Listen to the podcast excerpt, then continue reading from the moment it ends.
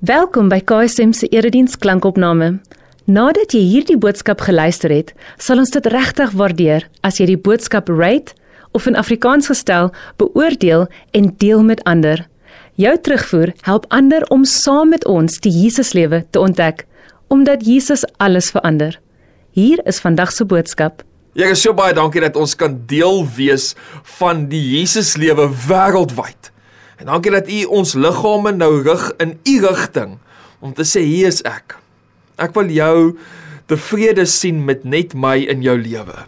Here seën hierdie boodskap waar ons gaan praat oor stilte tyd en mag elke liewe persoon wat dit sien weet u het hulle so lief en u wil hê dat hulle u leer ken in hulle stilte tyd. Ons bid dit net in Jesus naam met die Gees wat ons lei. Amen. Ek wil begin deur vir jou te vra wanneer laas het jy 'n goeie nagrus gehad? Nie omdat die vorige 5 aande slegte nagte was en jy kon nie anders om te slaap nie. Wanneer laas het jy jou kop op jou kussing neergesit, lekker net so op jou rug gelê met jou hande so op jou skoot en net tevrede aan die slaap geraak? Ek dink stilte tyd vir ons inlei in daai tevredenheid. En ek van jou 'n Psalm vir jou lees om jou juis te help daarmee vandag. Dis Psalm 4 En dit interessant is van hierdie Psalm is, dis die eerste keer wanneer ons 'n Psalm sien waar daar 'n musiekinstrument gekoppel is aan dit. Julle sal baie keer sien as daar 'n Psalm is, sal dit sê dis van Asaf met snaarspel of met wat ook al. Nou hierdie spesifieke een sien ons sê dis vir die koorleier met snaarspel. Dis die eerste Psalm waar ons dit sien. En ons gaan 'n ander woord daar optel. Dis die woord Selah. Ons sien hom 'n paar keer in hierdie Psalm, maar ek gaan die Psalm lees en elke keer wanneer jy die woord Sela sien, moet jy besef dis 'n pause. Nou, ons weet nie mooi presies wat Sela beteken nie, maar baie teoloë glo dit is 'n oomblik van pause, 'n oomblik van oordeenking en dan is die oordeenking gekoppel aan die tema wat ons in die Psalm vind.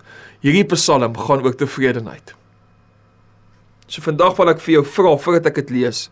In daai oomblikke van Sela, Vra jouself, hoe tevrede is jy met net die Here in jou lewe? 'n Psalm van Dawid. O God, wat aan my reg verskaf, antwoord my as ek roep. Toe ek in die nood was, het U my bevry. Wees my ook nou genadig en hoor my gebed. Hoe lank gaan julle my eer nog skend? Mense gaan julle valsheid lief hê en voorkeur gee aan leuns. Selah. Besef tog dat die Here wonders gedoen het vir die wat aan hom getrou is. Die Here hoor as ek na hom roep. As jy ontstel raak, moenie sondig nie. Dink in stilte daaroor na as jy gaan lê en laat dit daar by. Sela. Julle moet die offers bring wat aan julle voorgeskryf is en julle moet op die Here vertrou. Daar is baie wat sê, wie sal dit weer met ons goed laat gaan? Weer ons Wees ons tog goedgesind, Here. Help ons. U het my reeds groter vreugde laat belewe as wat daar is by die mense wat koring en wyn in oorvloed het. Nou sal ek onbesorg gaan lê en dadelik aan die slaap raak, want U Here, U alleen laat my veilig voel. Dis interessant Dawid praat op 'n stadium in hierdie Psalm oor moenie sondig nie. En dis 'n direkte verwysing na Efesiërs 4:26 wat sê as jy kwaad word, moenie sondig nie en moenie 'n dag kwaad afsluit nie. Nou is interessant dat Paulus vir die Efesiërs skryf moenie 'n dag kwaad afsluit nie. Nou dink ons dadelik daai dag kwaad afsluit het dalk te doen met jou verhouding net met ander mense. Dit het jou verhouding met God ook te doen mee. Want baie van ons kan 'n dag kwaad afsluit vir God. Jy's gelukkig met die mense rondom jou, maar jy's kwaad vir God. Moenie 'n dag kwaad afsluit nie. Kry vir ons hier 'n nuwe betekenis. Moenie sondig nie, is Paulus wat sê, wanneer ons ontevrede gaan slaap in die aand. Ontevrede met die Here, dan sit op 'n manier besig om te sondig. Nie sonde wat jou verwyder van God dat God nooit jou vir jou gaan lief wees nie, maar God wil hê ons moet tevrede gaan slaap. So net vir jou stilte tyd in die aand wil ek vir jou vra waar was jou tevredenheid in in daardie dag wat verbygegaan het? Was jy tevrede in valse dinge of in ware dinge? En hier is dit interessant want daai Sela woordjie wil ons lei na 'n plek waar ons vra in daai oomblik is jy nou besig om tevrede te wees in dit wat ware tevredenheid is of valse tevredenheid. En ek gaan net nou dit vir julle baie mooi uitpak in hierdie Psalm. So hou net 'n oomblik aan. Ek gaan nou by dit uitkom want hier is baie baie belangrik om te weet dat daar valse tevredenheid is en ware tevredenheid. En hierdie Psalm wil albei inbring. Ek gaan dit net nou mooi uitpak. Nou, hoe ken jy die verskil tussen ware en valse tevredenheid? Wel, eerstens is dit gekoppel aan die tipe werk wat jy doen. Ons sien Dawid praat hier van die oes. Die oes was gekoppel spesifiek aan die offer wat gebring is. Dis baie belangrik om hier te verstaan dat wanneer Dawid praat oor offers, dan is dit die oes wat as deel van dit is om geoffer te word. In die in die Bybelse tyd moes die mense 'n groot deel van hulle oes gegee het vir die Here as 'n offer. So Dawid vra as jy jou as jy 'n offer gebring het, was daai oes in tevredenheid aan die Here of was jy ontevrede met die oes wat jy gekry het? Want jy moet eintlik tevrede wees met dit wat die Here vir jou gegee het. Dit my baie laat dink aan iets wat Steve Jobs gesê het. Wat dit vir jou aanhaal. The only way to be truly satisfied is to do what you believe is great work. Doen wat dit doen dit wat jy glo wonderlike werk is. And the only way to do great work is to love what you do. So maak nie saak wat jy doen nie, doen dit in groot liefde. If you haven't found it yet, keep looking and don't settle. As with all matters of the heart, You'll know when you find it. And like any great relationship, it just gets better and better as the years roll on. So keep looking. Don't settle. Nou Steve Jobs sê in die konteks van van hy wat self deur 'n lang reis in sy lewe gegaan het om te besef dat die werk wat hy doen moet 'n impak hê en dit moet regtig die beste uit hom uit na vore bring. En dit was vir hom 'n baie moeilike reis. Ek dink is vir ons almal 'n moeilike reis die reis daarna om werklik werk te doen waarmee jy tevrede is, is nie maklik nie. Want ons leef in 'n wêreld wat vir jou sê as jy partytjie jou beste gegee het, eintlik not so much. Jy kan tevrede wees met wat jy gedoen het. Nee, die res van die wêreld is nie. Jy moet op die ou en in die aand as jy in die bed klim, weet ware tevredenheid is gekoppel daaraan dat jy weet jy het jou beste gegee met jou talente en jou vermoëns. Dit wat die Here vir jou gegee het, het jy die beste mee gedoen. En as nie as iemand anders nie tevrede is met dit nie, dan sit hulle probleem. Dan sit hulle probleem. Ware tevredenheid is om regtig stil te raak by die werk wat jy gedoen het. Wanneer laas het jy deelgeneem aan iets en werklik gevoel dat dit 'n groot bydrae maak tot ander se lewens? Want as jy dit doen, kan jy tevrede in die aand as jy stil raak by die Here wees en weet ek my beste gegee. En dit hoef nie meer ingewikkeld te wees as Sudoku nie. Ek sou al iemand wat nie goed is met Sudoku nie, so dis vir my so 'n bietjie ingewikkeld. Wat interessant is want lyk like my ons dogtertjie doen baie goed in wiskunde by die skool in graad R. Ons is baie beïndruk met haar. Ek en Chanel is soos Regtig, die wiskunde is nogal indrukwekkend want ek kan nie Sudoku doen nie, jy weet so. Dit's baie interessant, maar hierdie take wat God vir ons gee, wat hy vir ons oplê om 'n verskil mee te maak, dit hoef nie meer ingewikkeld te wees as Sudoku nie. Om mekaar te dien in die klein dingetjies is oomblikke van totale tevredenheid. Daar's vir my min dinge wat my so baie tevredenheid gee om te weet net voordat ek gaan slaap het in die aand, het ek gou vinnig net bietjie skoolgoed gewas of net bietjie huis reg gepak. Die huis is netjies. Die volgende oggend as ek as ek afstap van die boonste vloer af van ons huis en ek kom onder dan dan voel ek ek in die dag pak die huis is netjies. Ek het gou daai goedjies gedoen. En as ek dit nie doen nie, as ek volgende oggend wakker word, dan kom ek agter ek het eintlik nie so tevrede gaan slaap nie. Tevredenheid is altyd gekoppel aan iets wat jy gedoen het wat sinvol is vir almal, nie net vir jou nie. Nou wanneer ons wanneer Dawid stil raak by God, is dit vir hom amper genoeg om sy liggaam intentioneel in afhanklikheid van God te draai. Dit gaan hier oor 'n totale ingesteldheid op God. En dis iets wat die psalms ons baie mee help. Die psalms help ons by uitnemendheid om ons liggame te draai in die rigting van totale afhanklikheid van die Here. Dis wat die psalms wil doen. Vorige jaar het het Colin vir ons 'n pragtige boodskap as dominees gestuur en hy het die volgende aanhaling gebruik en dit bly my nog heeltyd by vandat ek by KSM is.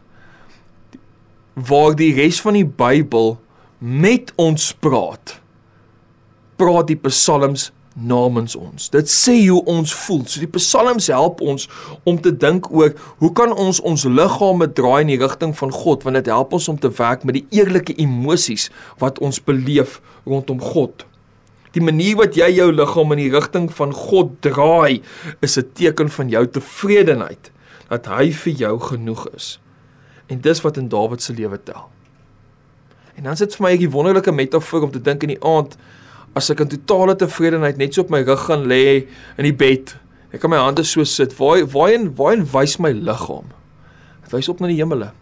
En en ek weet ons leef in 'n wêreld waar ons glo die die hemel is nie wendig daar bo nie. Dis 'n Ou Testamentiese konsep. Ons verstaan die die hemel is in 'n ander realm en ons weet nie mooi om dit als te verduidelik nie, maar net die teken om te sê ek druk my liggaam in die rigting van God. Ek wil nou ingestel wees op die tevredenheid wat ek beleef nou dat hy my liefhet en dat hy by my is. So die manier wat jy jou liggaam in die rigting van God draai, is 'n teken van jou tevredenheid dat hy vir jou genoeg is. En dis dan wat vir Dawid genoeg is. Nou wil ek hê ons moet vier frases uitpak spesifiek in hierdie Psalm wat belangrik is. Die eerste een is dit gaan oor die oes. Hier gaan dit spesifiek daaroor dat Dawid wil hê ons moet verstaan dat tevredenheid is gekoppel aan hoe ons werk. Ek het dit net nou bietjie uitgepak. Ek gaan dit nou so bietjie dieper uitpak vir ons. Dit gaan hier spesifiek oor gawes, talente, tyd en geld. Volgens Dawid is die oes alles God sin. Baie keer is ons ontevrede in die aand as ons gaan slaap want ons besef ek het nie vandag die beste gegee met die oes wat ek gekry het nie. Het sy dit gawes, talente, tyd of geld is. Ek het nie vandag dit mooi bestuur nie. Ek is eintlik ontevrede met myself want dit wat vir my 'n oes is, het ek nie in die rigting van God gestuur en gesê maar ek wil dit aanwend vir die koninkryk nie. En dan gaan slaap mens partykeer ontevrede. So miskien is dit hoekom jy in die aand ontevrede gaan slaap. Miskien voel jy ek kan dalk net bietjie beter doen met die oes wat die Here vir my gee. Tweede ding is vrede. Ons sien dat Dawid ontevredenheid koppel aan welvaart wat nie aan God gewy is nie. Want hy praat van hierdie ander mense wat wyn drink en dit gaan goed met hulle of oënskynlik gaan goed met hulle. Hulle het 'n lekker lewe en hy sê gelukkig weet hy hy kan net tevrede wees met die Here. En dit gaan hier oor Vrede en vreugde is tevredenheid sonder ander goed. Dis tevredenheid sonder ander goed. Jy hoef nie iets hê te hê om meer tevrede te kan wees om in die aand net voor jy stil raak vir die Here aan die slaap te raak regtig tevredenheid te kan beleef nie. Dawid koppel hierdie ontevredenheid van baie mense direk aan die welvaart wat hulle keer om vreugde en vrede te beleef. En baie keer voel ons as ek welvaart het, dan kan ek iets gee. Dan kan ek vreugde beleef.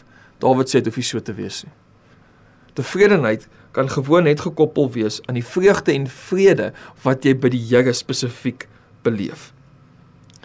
Hy praat dan spesifiek ook hier op 'n stadium oor ons moenie sondig nie. En daar's 'n spesifieke rede hoekom hy sê ons moenie sondig nie.